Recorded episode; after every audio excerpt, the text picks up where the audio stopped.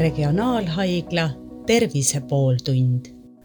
tervist, te kuulate Regionaalhaigla Tervise pooltundi. minu vestluskaaslaseks on täna Põhja-Eesti Regionaalhaigla kiirabikeskuse juhataja, doktor Lilian Lääts, mina olen Hando Sinisalu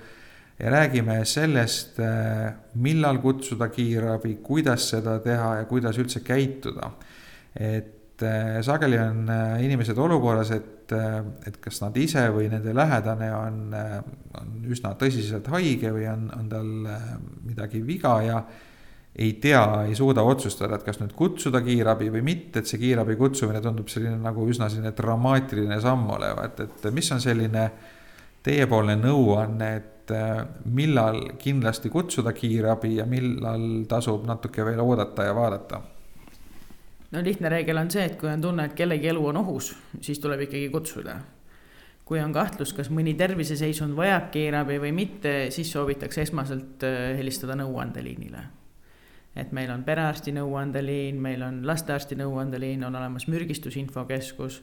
kus saab nõud ja nemad annavad ka väga adekvaatselt selles osa, et, et kas saate ise aidata inimest või iseennast või tuleb kutsuda kiirabi ja nad saavad ka suunata otse kiirabiliinile nii-öelda aga kui elu on ohus, siis tuleb ikkagi kohe valida üks, üks, kaks. No äh, neid juhtumeid ma loodan väga palju ei ole, et, äh, et siiski suurem osa väljakutsetest tõenäoliselt on sellised juhtumid, kus, äh, kus on natuke kergemad olukorrad, et, et kuidas te hindate seda, et kui palju selliseid väljakutseid üldse on, mis nagu selgelt või võinuks olemata olla, ma ei mõtle siin mingisuguseid rumalaid nalju või midagi sarnast, vaid lihtsalt, et inimene muretseb üle ja kutsub kiirabi olukorras, kus tegelikult midagi tõsist ei olegi? No ma pakuks, et umbes kolmandik on siuksed, kus tegelikult saaks koduste vahenditega hakkama või, või ei olegi vaja isegi mingeid ravimeid teha või, või saab ka ise haiglasse pöörduda, et ega kui sõrmeluu on katki, ei pea ju alati kolmeliikmeline kiirabi tulema täisvarustuses autoga patsienti haiglasse viima, võid ka ise pöörduda. aga kiirabi üldjuhul, nii palju kui mul on kogemusi, ka sellistes olukordades käitub väga, väga viisakalt, et ma ei ole veel kuulnud, et tehtakse etteheited, et nüüd ilmaasjata kutsusite meid välja ja mis te tülitate, et pigem on alati see suhtumine väga kaastundlik, et et kui palju peaks inimesed nüüd muretsema selle pärast, et, et äkki selle minu väljakutse tõttu nüüd see kiirabi jäi kuhugile minemata, kus teda rohkem vaja oleks läinud no üldiselt ikka me üritame jah, kaastundlikud alati olla ja, ja viisakalt seletada. on küll juhtumeid, kui on ka kiirabitöötaja närv üles öelnud ja on võib-olla natukene liiga järsk olnud ja öelnud, et siin pol küll, küll pole kiirabi vaja. aga kui ei ole ette nähtud, et seisund ei ole selline, et peaks kiirabi viima patsiendi haiglasse, siis on seda ka öeldud, et palun minge oma transpordiga, kui paremaks ei lähe, et linnas ei ole nii suur probleem Tallinnas, siin on tõesti kakskümmend kolm kiirabi ja kui ei saa teine sama piirkonna brigaad minna, siis läheb kõrvalpiirkonnast brigaad teisele kutsele. aga, aga maakohtades on küll niimoodi, et, et tasub mõelda, et, et kas, kas see, ütleme näiteks lapsepalavik on nüüd selline, et ma kindlasti kutsun kiirabi ja järgmiselt tund aega pole mul siin viiekümne kilomeetri raadiuses ühtegi vaba kiirabi mitte kellelegi või ma saan sellega ise hakkama. aga tundub, et seal maakohtades või linnast väljas ongi inimesed natukene rohkem mõtlevad selles suhtes ja nad on harjunud ise hakkama saada, et neil ei ole kogu aeg see arstiabi apteek olnud kakskümmend neli seitse läheduses. vaid nad ongi võib-olla natuke rohkem teadlikumad sellest, millal kutsuda ja miks aga see, see lapsepalavik on näide, mis, mis ma arvan, kõigile lapsevanematele tuleb tuttav ette, et, et ühel hetkel sulle tundub, et su laps kuidagi e, eriti kannatab ja palavik läheb kõrgeks või ei lähe ravimitega alla ja siis sa hakkadki mõtlema, et. et noh, neid hirmulugusid on ju ka päris palju, et, et ikkagi nüüd, nüüd tuleb otsustavalt tegutseda et äh, võtame sellesama palaviku näite, et, äh, et mis olukorras äh, palaviku puhul tuleks, tuleks käituda siis nii, et kiirabi kutsuda? no üks kindel reegel on see, et kui lapsel on kõrgest palavikust krambid tekkinud, siis tuleb igal juhul tekki-, kutsuda kiirabi. nüüd, kui esimest päeva on nüüd kolmkümmend seitse viis palavik, siis see päris kindlasti ei ole põhjus, et kiirabi kutsuda, seda ei tule isegi mitte alandama hakata. et tuleb lihtsalt anda lapsele vett hoida teda normaalse temperatuuri juures, mitte ei lasta panna teda tekkide alla, et ta üle kuumeneks seal. vaid vaadata, et ta piisavalt joob ja, ja ehk läheb see viirus lihtsalt ise üle. kui nüüd palavik on pidevalt kõrge, üle kolmekümne kaheksa viie kogu aeg, kui rohumõju üle läheb. ja, ja mitu päeva on ja, ja perearsti tõesti kätte ei saa või, või on nädalavahetus, siis, siis ilmselt on juba aeg kiirabi kutsuda no nädalavahetus ongi tegelikult selline üsna kriitiline aeg, kus, kus väga paljud muud tavaolukorras kättesaadavad nõuanded ei, ei, ei toimi ja siis, siis ongi EMO ja kiirabi vahel need lahendused, et et mida te nädalavahetusel soovitate teha, kui tõepoolest perearsti ei ole, et, et kuidas siis käituda, kui, kui oled kahe vahel, et kas siis nüüd kutsuda kiirabi või mitte, et tahaks nagu abi ja nõu, et, et, et kust seda kõige paremini saaks no laste puhul ma ütleks küll, et kõige adekvaatsem nõuanne ilmselt tuleb küll kahjuks tasuliselt, aga laste, lastearsti nõuandeliinilt. et on olemas tasuta perearsti nõuandeliin kakskümmend neli seitse, kus saab, kus saab abi ja nõu küsida. aga lastearsti nõuandeliin on meil eraldi olemas räägime vanematest inimestest ka ja, ja siin on äh, väga ajakriitilised olukorrad, on äh, infarkti ja insuldi juhtumid ja siin on ka niimoodi, et, et mõned on sellised kergemad juhtumid, kus võib-olla ei, ei ole päris äh,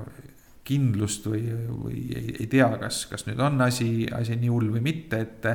et mida te siin soovitate, et mis olukorras äh, on asi nii tõsine, et on põhjust kahtlustada infarkti ja insulti või, ja, ja kindlasti kiirabi ruttu kutsuda no eluohtlikust seisundist ikkagi tavaliselt annab märku see, et äh, enesetunne või üldseisund patsiendil muutub väga järsku. et infarkti puhul tekivad selged halvatuse nähud, kas muutub kõne järsku pudit-, pudistavaks, kaob ära tasakaal, et ei püsi enam püsti, kui paned patsiendi istuma, ta vajub ühele küljele või ta ei saa enam käega midagi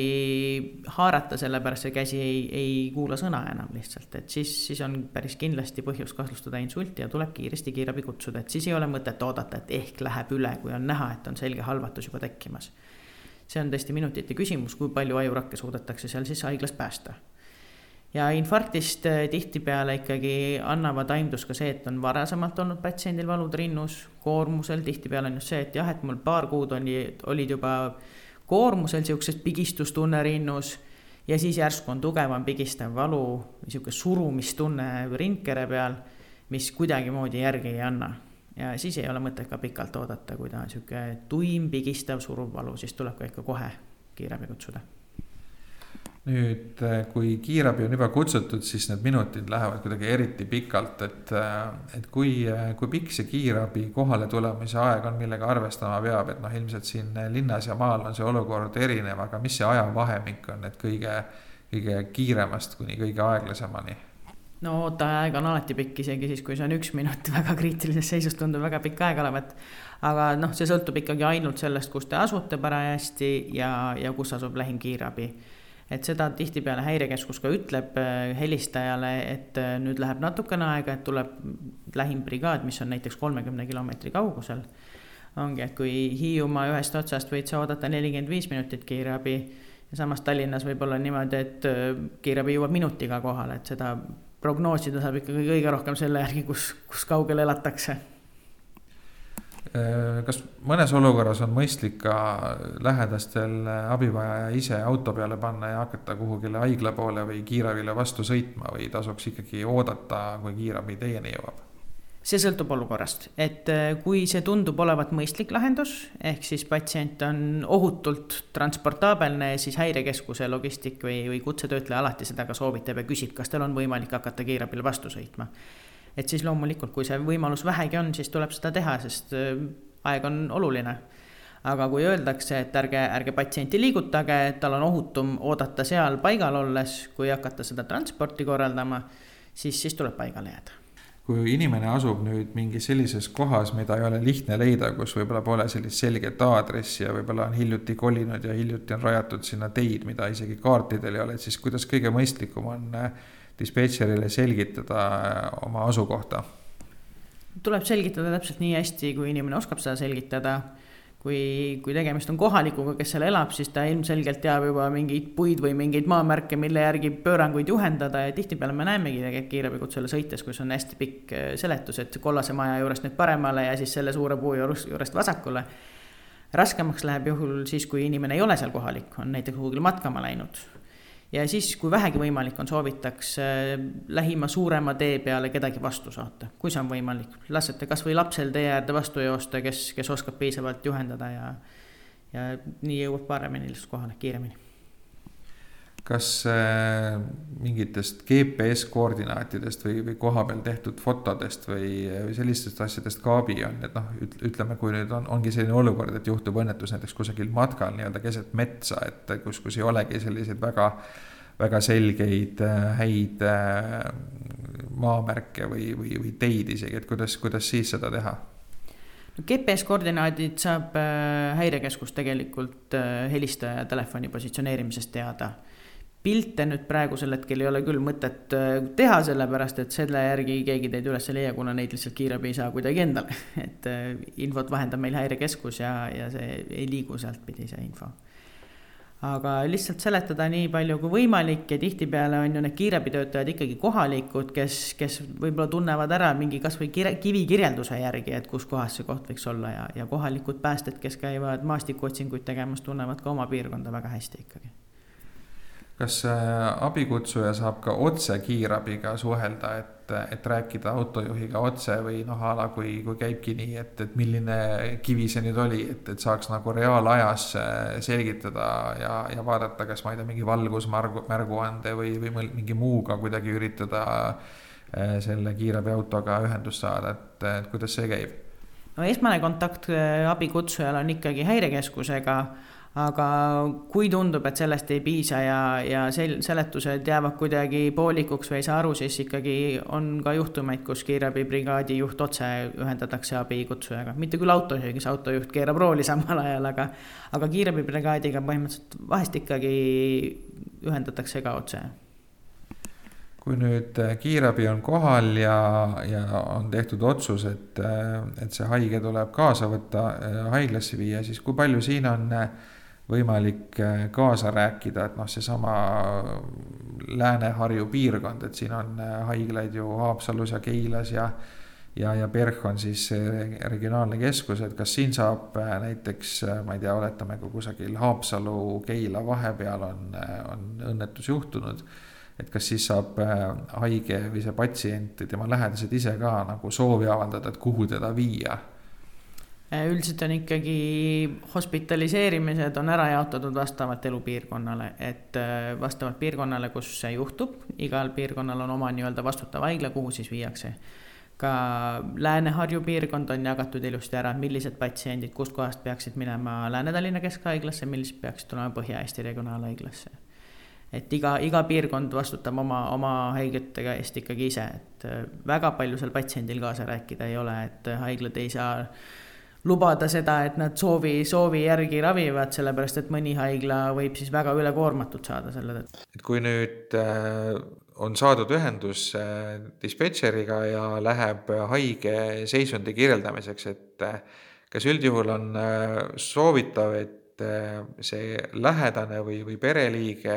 teeks selle töö ära ja kirjeldaks või on haigel endal, juhul kui ta on eh, kõnevõimeline, parem rääkida, mis tal täpselt viga on ja kuidas ta ennast tunneb, et mis, mis siin see nõuanne võiks olla? ma arvan, et seal ei ole mingit vahet, kas, kas räägib see, kes on kõrval või räägib see, kes on ise viga saanud, et eh, valu oskab iga inimene kirjeldada ka oma lähedal seisvale inimesele tõesti, kui inimene on väga hädas, siis tal võib olla pigem raske rääkida, et, et kõrvalseisja saab võib-olla paremini vahendada.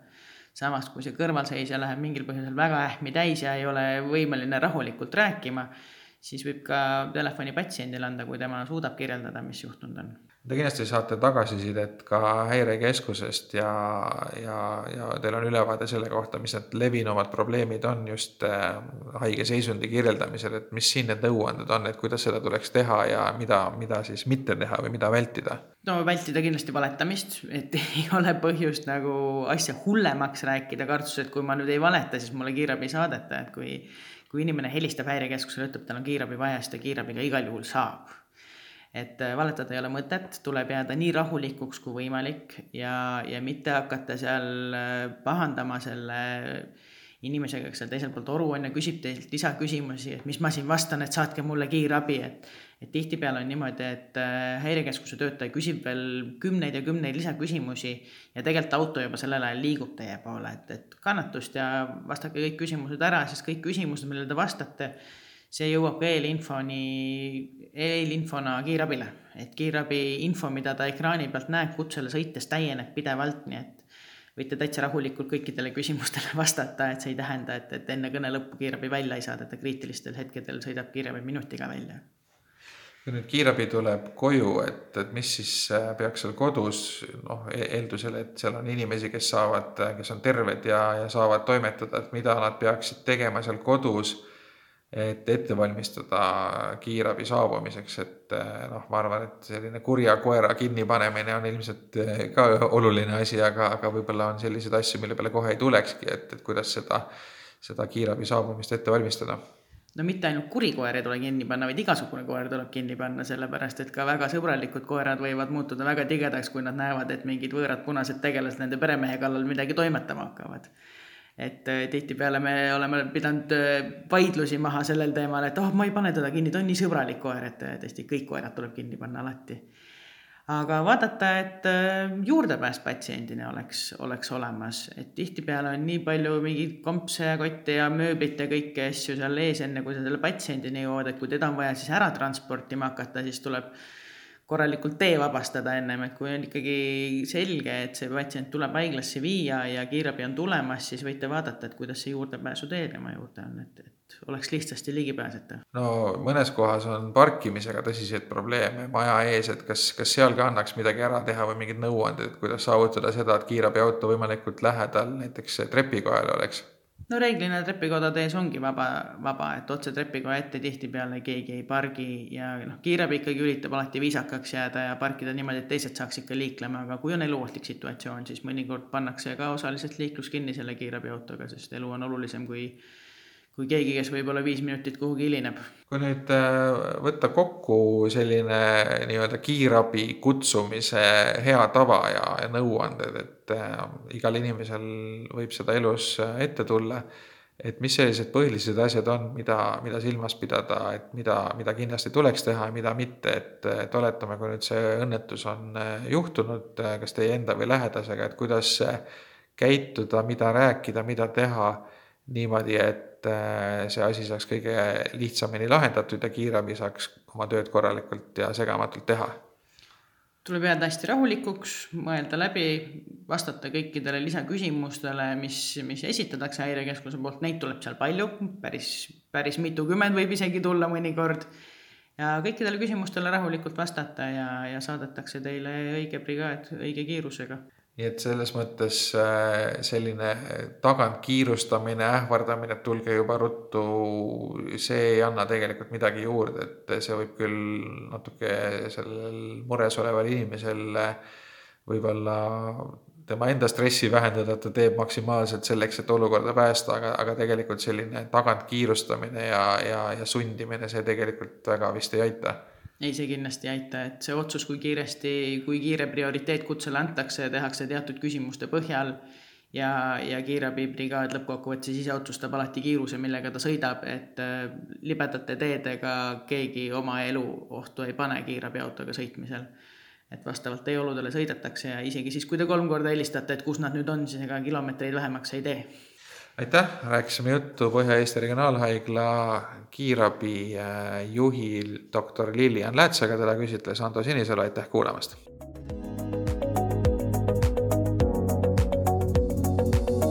regionaalhaigla Tervise pooltund